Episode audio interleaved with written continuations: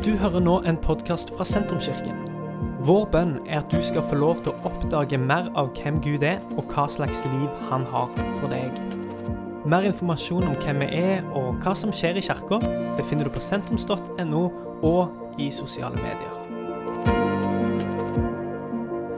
Vi er i en serie denne høsten som handler om hvem Gud er. Og der vi ser på hvem Gud er for å finne ut av hvem vi sjøl er. Fordi vi er skapt i Guds bilde. Eh, Og eh, det, å, det informerer oss hvordan vi skal leve livet vårt når vi får tak på Gud, hvem han er, hvordan hans karakter er, og hvordan vi er i forhold til det. Sist søndag så begynte Knut. Eh, Det som er det nye fokuset for denne måneden, det er at Gud er far. Og hva slags betydning har det for den som tror? Salmedikteren eh, Grundtvig han eh, har skrevet masse salmer. Det er en av de tingene som han er kjent for. Eh, men han er også kjent som en eh, litt sånn filosofisk eh, anlagt. og I Danmark så setter de Grundtvig og Søren Kirkegård de er, liksom, de er der oppe som noen av de store tenkerne. Og eh, Grundtvig han sa, og han skrev også en sang om det, eh, at 'jeg er menneske først' og kristen dernest. Eh, Jeg tror det er sånn eh, salmen, eh, eh, salmen går. Og Det har jeg hørt, og jeg har ikke fått det helt til å stemme. Eh, Jeg tenkte menneske først, og så kristen. Nei! Kristen først, menneske etterpå. Jeg hørte Knut Arild Hareide sa, sa for mange år siden i en, i en debatt om sekulariteten så sa han jeg er kristen først, og så er jeg norsk etterpå. Eh, og så tenkte jeg, jeg nikte. Ja, det er sant. Jeg er kristen først. Jeg informeres av min kristne tro først. Og så er jeg norsk etterpå. Eh, jeg er en del av den norske kulturen, men jeg lar den kristne identiteten, det at jeg tror på Jesus, la det være min primæridentitet. Men det var ikke dette Grundtvig sa. Jeg er eh, dansk først, eller norsk først og kristen dernest. Men sa jeg er menneske først og kristen etterpå. De siste årene har jeg fått øynene opp for skapelsesfortellingen og rikdommen i disse første kapitlene i første Mosebok. Og når vi ser nærmere på hva som gir mennesker rundt i verden glede, mening, og hvor en finner sin identitet, så er det i disse Du finner det i disse første setningene i de første kapitlene i første Mosebok, i forskapelsesfortellingen. For Gud har skapt oss mennesker. Han har skapt oss med den samme verdien, alle sammen. Skapt alle mennesker i sitt bilde. Ikke bare de som tror på han. Alle mennesker er skapt i Guds bilde. Eh, og samme verdi, samme formål som menneske.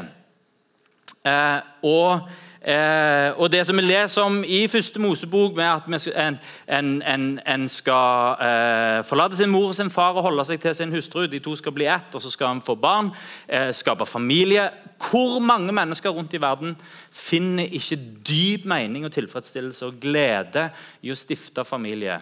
Eh, og så sier, eh, sier Gud at en skal eh, legge jorda under seg. Og hvor mange finner ikke glede i nettopp dette, i eventyret det er å eh, oppdage verden og legge den Jeg føler det, hvert land jeg kommer til, hvert eh, stempel jeg, nytt stempel jeg får i passet, så er det er New Land Conquered. Eh, dette er litt mitt nå. Eh, Men det er ikke bare sånn, men det er òg å oppdage hvordan verden henger sammen.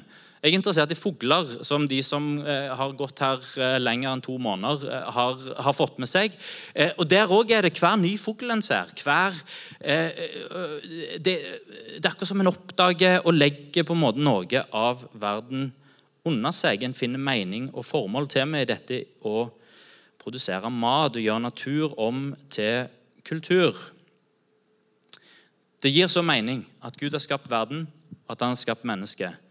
Det gir så mening at Gud har skapt mennesket i sitt bilde. Det at Gud har skapt mennesket i sitt bilde, det forklarer menneskets kreativitet. Det forklarer menneskets skaperglede. Det forklarer menneskets rettferdighetssans. Det forklarer vårt forhold til rett og galt. Det forklarer vår omsorg for verden. Og det forklarer vår kjærlighet og vår barmhjertighet. Så gir det òg mening, samme som og vi leser det samme i de første kapitlene. Dette òg i de første kapitlene. At mennesket er fallent. Om syndefallet, om eh, Kain som dreper Abel. Det er òg historien om oss mennesker. Brødredrapet. Eh, den ene broren som vil lykkes, men som mislykkes. Den andre broren som lykkes, og da den mislykka broren som er misunte på den broren som lykkes, og vil ha det som broren har. Som føler seg underlegen, og som på bakgrunn av dette sine egne ambisjoner og eh, stolthet og sin egen misunnelse som gjør slutt på broren sin. Vi er skapt i Guds bilde. Og hvem Gud er, former hvem vi er, og hvem er Gud? Og Sist søndag så begynte Knut å snakke om at Gud er pappa. Gud er far. Det er den betegnelsen som Jesus bruker eh, mest. Og eh, Nå glemte jeg å undersøke det på bibelen.no. Men jeg tror jeg har rett når jeg sier at den betegnelsen på Gud som er hyppigst. Kanskje sammen med Herre. Men altså far det finner vi igjen og igjen og igjen og igjen. Ikke bare Jesus som kaller Gud for far, men det finner en igjen i brevene, og en finner det igjen i, i hele eh, Nytestamentet. I sitt verste øyeblikk, når Jesus eh, visste at det, nå, er det, nå, nå er det korsfestelsen som ligger foran meg, når han var i Getsemane og ba, da ba han ikke bare til Gud sin far, men da ba han til sin Abba, til sin pappa, og bruker kjælenavnet til far. Når Jesus spør disiplene eh, om hvem han er, hvem, hvem, Jesus er, så svarer Peter du er Messias, den levende Guds sønn. Og Det er den åpenbaringen som den kristne troen er bygd på. Jesus er Guds sønn. Da sier Jesus dette har du ikke funnet ut sjøl, dette har du fra far i himmelen. Og Her ser vi at eh, åpenbaringen om at Jesus er Guds sønn, det henger sammen med òg at Gud er far. At Jesus er Guds sønn, betyr at Gud er far. Og Hva betyr det når vi vet at Jesus er sant menneske? Er Gud bare Jesu far? Hva betyr det for meg? Hva betyr det for deg? Hva betyr det for den som tror at Gud er far? Og Vi skal slå opp i Galaterbrevet. Eh, det kommer straks opp her. Eh, og Galaterbrevet er skrevet til menighetene i Galatia, som Paulus grunnla på sin første misjonsreise. Eh, og Hele brevet er et oppgjør med judaister, de som mente at en måtte omskjære seg for å bli en del av Guds folk. For å bli en del av kirkefamilien så trengte du ikke bare omskjære deg, men du trengte holde alle de rituelle lovene fra tredje Mosebok og fra loven. Eh, så de kristne, de som trodde på Jesus, måtte fysisk bli jøder. Eh, og eh, resultatet av det som judaistene, disse judaistene lærte rundt i de nye menighetene. Eh, for Paulus dro grunnla menigheter, så kom det judaister etterpå og sa nå må dere holde hele, alle de rituelle lovene, og så trenger dere bli omskjært. Eh, så et resultat av det var at nattverdsmåltidet ble delt.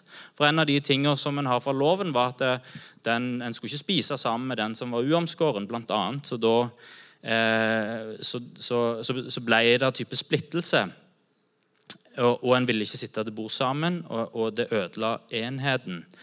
Da peker Paulus på at det er tro på Jesus og trofasthet mot Jesus som er det avgjørende for å tilhøre Guds folk og for å tilhøre kirkefamilien.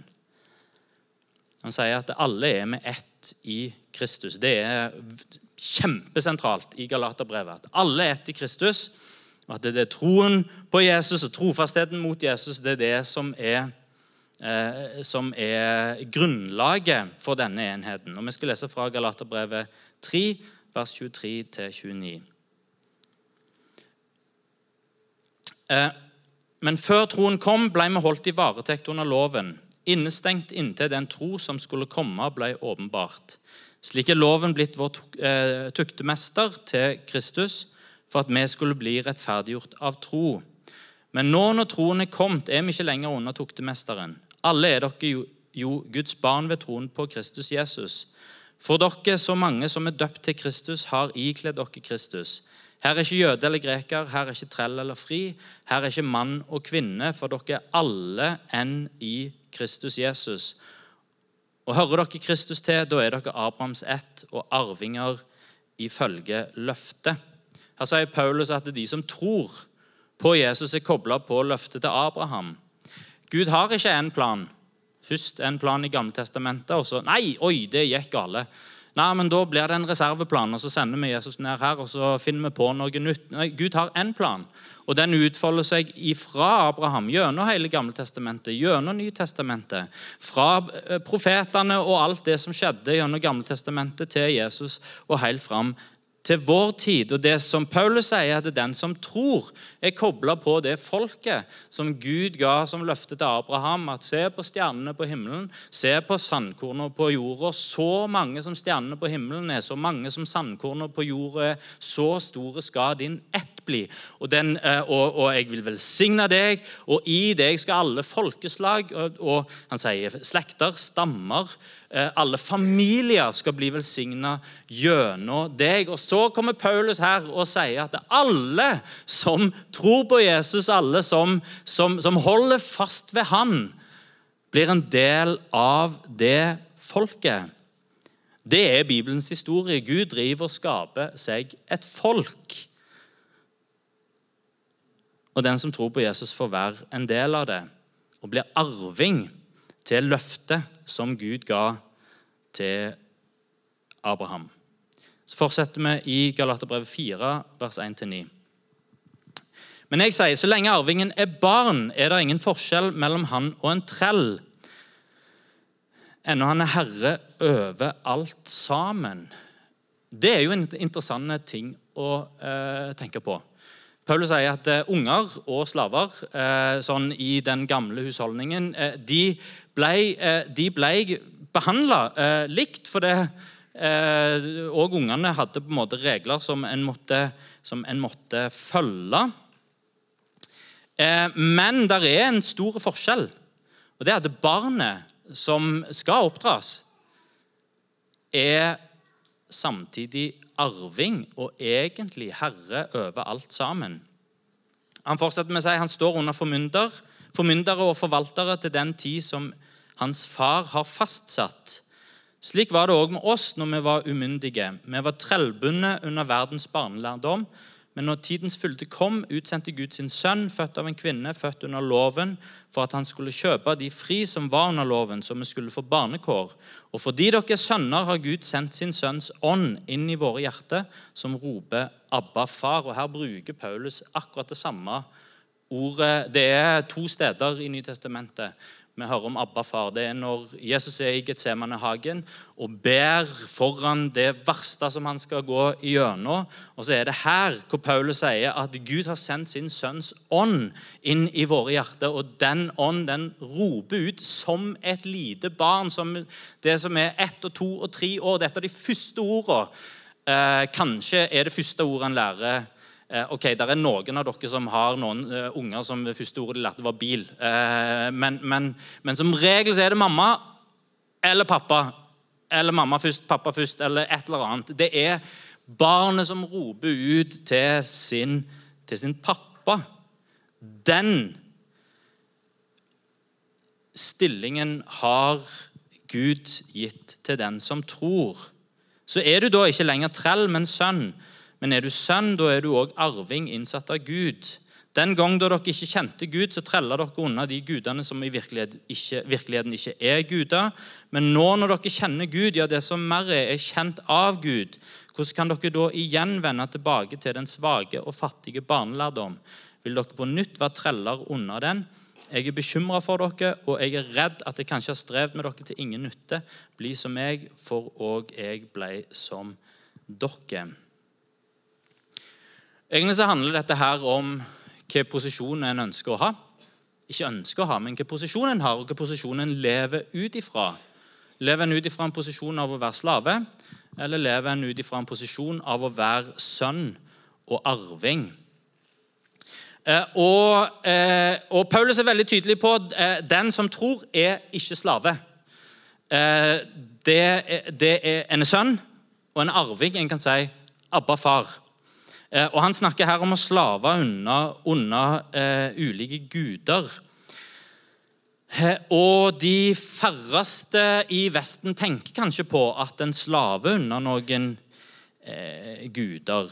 Vi har på en måte, vi kvitt oss med guder i det vestlige samfunnet. Der, er ikke avguder lenger som en går til og som en bøyer seg for. Eh, sånn fungerte det i antikken. En hadde avguder. Da hadde en et bilde for den avguden, og så gikk en og bøyde seg for den avguden. Eh, og så lærer Gammeltestamentet, Nytestamentet også, Bibelen lærer oss at det, det var onde krefter kobla til disse avgudsbildene, som en kom i kontakt med med å bøye seg for, for idolene eller for avgudene. Men vi har i vårt moderne samfunn kvittet oss med, med, med avguder. Eh, utfordringen i Vesten er at vi har kvittet oss med Gud òg. Eh, Nietzsche han forutsa og sa at eh, Gud er død, og, og, og mennesket har, har, drept Gud. Eh, og Da er spørsmålet hva, hva styrer da, når, når en har kvitta seg med avguder? Eh, en har kvitta seg med Gud. Hvem er mennesket da? Det moderne mennesket uten Gud er kanskje et intelligent dyr som er eh, øverst på næringskjeden, eh, og som er en flokkart med usannsynlig suksess i å befolke planeten og ta over alt. Hva er, hva er, da den drivende kraften i et menneske, hvis det bare er et intelligent dyr? Eh, vi følger instinktene våre, sånn som dyr gjør. Der de leder oss, og blir i så fall slaver under våre instinkter. Så kanskje er instinktene en sånn eh, eh, En gud som en er slave under i vår tid. Det moderne mennesket uten Gud er kanskje sjøl Gud. En Gud med liten g. Eh, dette er Noah Yuval Harari sin friske påstand. Han har skrevet en trilogi eh, der den siste boka hans heter Homo Deus. Eh, Homo sap, eller trilogi. To bøker er det kanskje. Homo sapiens, menneske, menneskets historie. den Fortsettelsen av den. Menneskets framtid. Homo Deus. Gudemenneske. Eh, og, og han, hans forslag er at den menneskelige biologien kobles på teknologien og algoritmene. Biologi det er litt som algoritmer. så Når biologi og eh, teknolo de teknologiske algoritmene når de kobler sammen, og AI og alt dette her som, som, eh, som, som en driver på med eh, Når det kobler sammen, så kan en skape supermennesket. Eh, menneske og maskin som lever lenger, og som har superkrefter, og som styrer verden etter sitt forgodtfinnende.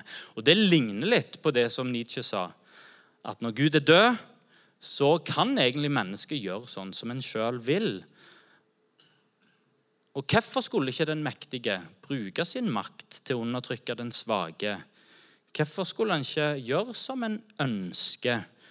Hvis en ikke står ansvarlig overfor noen andre enn seg sjøl?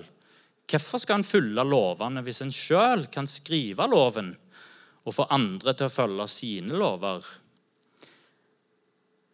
Når vi sjøl er guder og setter oss sjøl i sentrum, så settes våre begjær, våre ambisjoner, våre kjærligheter, våre stoltheter og ønsker Da setter vi det i sentrum. Og kanskje blir det gudene som en ender opp med å trelle unna og som driver oss hjerteløst, og som kanskje òg til slutt knuser oss, slaver av våre begjær. Og Så hiver Paulus på her at eh, men, hvis en har et feil forhold til Gud, så vil en òg være en slave under loven. Eh, jeg vil påstå det er bedre å være en slave under loven, eh, Guds lov, enn å være slave under sine begjær eller sine instinkter. Men så eh, hiver Paulus fram en mye bedre vei. Gud er far. Og den som tror, kan få forholde seg til han som far og være innsatt som sønn og som arving. Og Hva betyr det at Hjelp, er der eh, Jeg bare så plutselig på tida. Eh, så eh, Og hva betyr det at Gud er far? Paulus begynner brevene sine med 'Nåde være med dere' og 'fred fra Gud, vår far'. Det er hvert brev. Så finner en denne setningen. Nåde være med dere og fred fra Gud, vår far. Gud kaller seg for far med alt som det innebærer.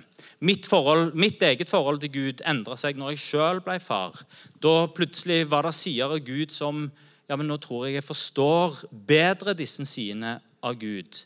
Eh, og vet du hva? Den forståelsen den utvider seg bare etter hvert som en blir eldre. For det er klart Når en er nybakt far og en ser en liten baby som en syns ja, Alle sier jo at en syns at uh, babyene er så søte. Uh, jeg syns de blir litt søte etter hvert. Men ok, sånn forholdsvis nyfødt, og, oh, og, og, en kjenner kjærlighet mot det som bare er potensialet. En trenger ikke ha gjort noen ting. Det er bare vakkert.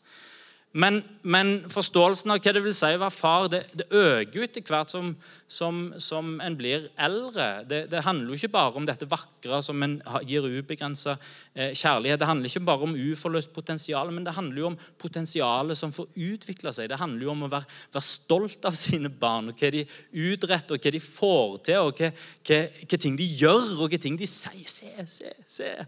Eh, og det er vakkert å være forelder. Og Når Gud sier at han er far, i det så ligger det òg at Gud er både far og mor. Gud skapte mennesket i sitt bilde. Han skapte det til mann og kvinne. Og, og, og mann og kvinne sammen gir et fullt bilde av hvem Gud er.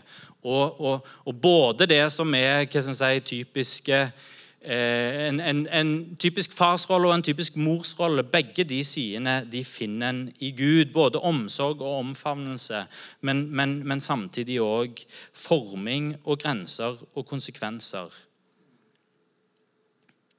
Jesus kunne lagt vekt på Guds allmakt, på Guds hellighet, på Guds rettferdighet. Kalt Gud for den allmektige, den hellige, den rettferdige, den fryktinngytende, den mektige. Eh, og, og, Noen av disse betegnelsene dukker også opp i Nytestamentet, men det er den nære relasjonen mellom far og barn som er bildet på Gud, og som er navnet på Gud. Når Jesus lærer oss å be, så lærer han oss å be vår far, Fader vår. Samtalen mellom en sønn eller en datter eh, og ens far. En far elsker ubetinga, og Gud han er omsorgsfull og elsker ubetinga. Det kan vi slappe av i. Vi kan vite at vi ønsker.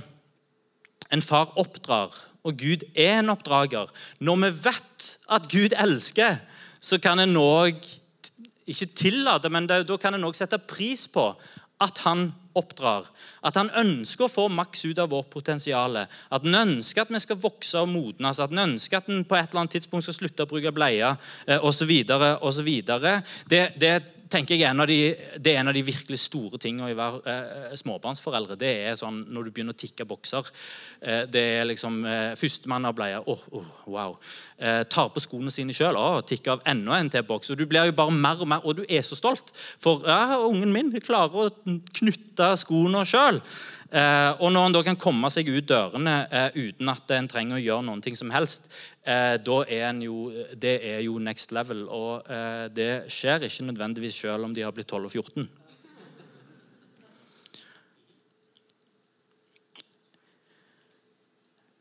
Å være far er Jeg har en far som jeg vil gjøre stolt.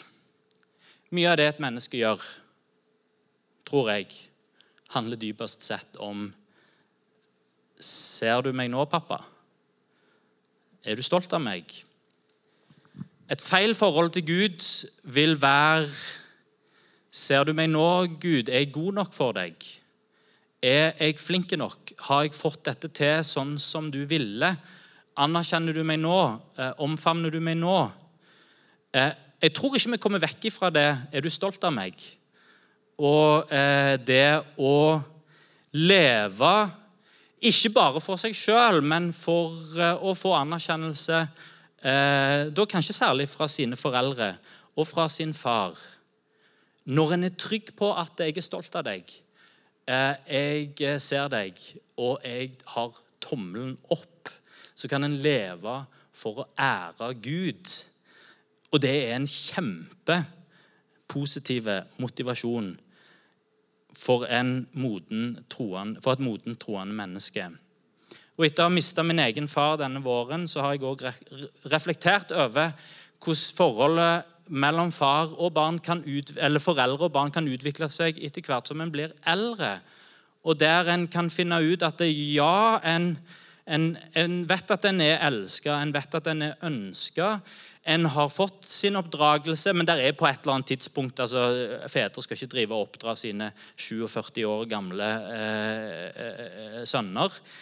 Um, og en ønsker jo å leve sånn at en får tommel opp fra sine foreldre. Eh, men så kan det òg bevege seg inn i et vennskap. Og der sier Gud det samme forholdet kan den som tror, ha til han som far. At det ikke bare blir Far som elsker deg, far som ser deg, far som oppdrar deg. Men som Gud sa til Abraham Abraham kalte, eh, eh, Abraham kalte Eller Gud kalte Abraham for sin venn.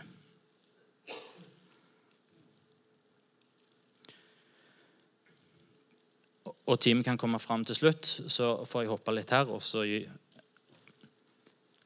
så ende en plass. Til menn som har blitt fedre. Jeg vil påstå at det viktigste du gjør i livet, er å være ektemann til de kona og far til dine barn. Kanskje den viktigste Og jeg sier kanskje der, men jeg ville kanskje strøket det ut. Den viktigste rollen en har i livet. Og det gjelder ikke bare til fedrene, det gjelder til mødrene òg. Den viktigste rollen du har i livet, som far og som mor, og det kan vi gjøre med utgangspunkt i vårt forhold til Gud. Finne ut hvem er Gud som far. Hvordan er Gud far? Og så kan en gi det videre ned eh, til, til sine barn. Når Gud er far, så er den troende en sønn og arving. En har ikke posisjonen av å være slave. Gud er far før han er herre. Paulus sier at loven det er som en læremester. Den leder oss til modenhet, og den leder oss til vår far. Og Det er ikke forskjell mellom slave og sønn når en er liten, for en trenger oppdragelsen. En trenger å lære å leve rett. Men posisjonen som arving og sønn, den er Den er unike. En er elska uavhengig av hva en gjør. Elsker uavhengig av om en får til livet eller ikke. Jeg kan leve for å gi ære til min far, for å gjøre min far stolt, min far i himmelen stolt. For å være en avspeiling av hans karakter, speile tilbake på han. Men jeg trenger ikke å gjøre det for at han skal være glad i meg. Det er utgangspunktet. Jeg elsker, jeg ønsker, jeg tilhører. Han er glad i meg. Og Som sønn og datter så har en tilgang til far sjøl. Eh, det er jo forskjellen på mine barn og f.eks. en selger fra, eh, fra et eller annet kraftselskap. Jeg tar ikke alltid telefonen. Eh, der er noen i et kraftselskap som er veldig veldig glad i meg. Jeg har søkt opp til, eh, jeg, jeg, tror de har ringt meg 50 ganger. Jeg har aldri tatt telefonen. Eh, de har ikke tilgang på meg. Eh, de kan snakke med noen andre. Eh, men når det er en av mine døtre som ringer, så avslutter jeg av og til møter. Så jeg bare, bare vent litt, det er en viktig telefon som kommer inn, bare for å finne ut at jeg må hjelpe med noen lekser. Hvorfor? Jo, fordi at den, den tilgangen, den, den, den, er gitt. Der er det, det, er ikke alle møter jeg avbryter, men, men det skjer med jevne mellomrom. Jeg bare ta den telefonen, det er litt viktig. En har tilgang til far sjøl. En har tilgang til alle fars ressurser. Vet du, Fortsatt så har jeg på mitt nøkkelknippe nøkkelen eh, hjem. Eh, så den døra kan jeg alltid låse opp. Eh, fortsatt, i en alder av 47, så går jeg rett opp på kjøkkenet når jeg kommer hjem, og jeg går rett inn i kjøleskapet for å se hva som er der. Eh, og henter fram noe, nesten uavhengig av om jeg er sulten eller ikke. Og ned i brødskuffa og henter hjemmebakt brød og skjærer meg av skive. Eh, uten å spørre om det er greit, for de ressursene de er, de er tilgjengelige. Jeg vet at det, å være elska er ikke basert på det jeg gjør, eller hvordan jeg oppfører meg. Men når det er på plass, så kan en leve for En kan leve for å ære sin far og sine foreldre i det jordiske. Det, det, det kan en gjøre. Ser du meg, far? Tommel opp. Eh, altså, en et, Spiller en fotball når en er 15 år, og en, skår, og en skyter i krysset. Altså, du hopper jo i hvem som ser på det, hvis bare mor og far sto og så. Så kan vi leve for å ære vår far i himmelen. Ikke for å få anerkjennelse og aksept. Ikke være under loven som sier at eh, hvis jeg gjør sånn og sånn, og sånn, da er far fornøyd med meg. Men han omfavner meg, han elsker meg. Og hva arver vi, arver vi for noe? Vi arver hans rike. Arver det han står for, arver den han er. Og Den arven kan få en smak på allerede nå. Så vet vi at den er ikke helt ennå. Eh, men det kommer ei tid der han skal få den fullt ut. En er rettferdiggjort gjennom tro på Jesus. Har barnekår som roper 'Abba, far'. En er blitt sønn, og en er blitt datter og arving. Forholdet til Gud er ikke som en slavedriver, men som en sønn. Uavhengig av hva forholdene har hatt til sin egen far. Gud er den perfekte far. Bildet på hva en far skal være, og som vi kan strekke oss etter òg i vårt eget liv. Leve for å ære Han og leve for å reflektere Han. Kan vi ta og reise oss?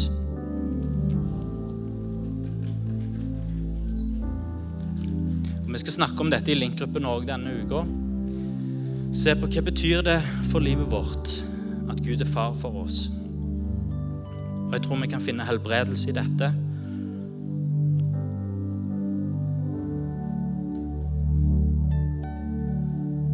Barnekår som roper 'Abba, far'.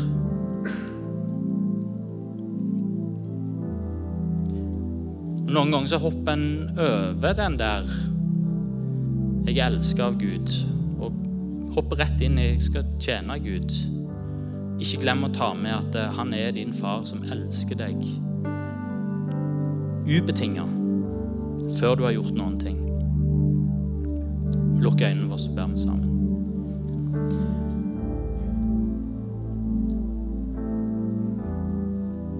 Takk, Herre Jesus, at du er her. Takk, Gud, at du er vår far. Takk at vi kan forholde det oss til deg som, som sønn og som datter. Takk at du fyller våre hjerter med fred, Herre. Herre. Takk at vi kan få fred ifra deg. Vi kan få nåde ifra deg, Herre Jesus. Herre, jeg ber for hver enkelt en av oss her inne. Jeg ber om at vi bare skal finne fred i vår posisjon som sønn, datter og arving. Takk for det som du har gitt til oss, Herre.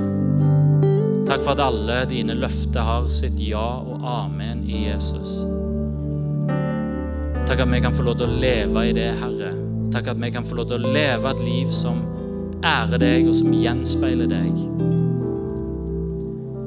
Så ber jeg for alle her inne som, som har blitt eller skal bli foreldre, Herre Jesus. Takk at du hjelper oss til å være foreldre som ligner på deg, og som gjenspeiler deg. Hjelp oss å elske våre barn. Gi dem den best mulige grunnvoll for liv og start på livet. Gjør de robuste, Herre, og kompetente i møte med det som ligger foran dem. Jesu navn. Dette er slutten på denne podkastepisoden. Har du spørsmål om Jesus, om tro, om livet, så er du hjertelig velkommen til å ta kontakt med oss via sentrums.no.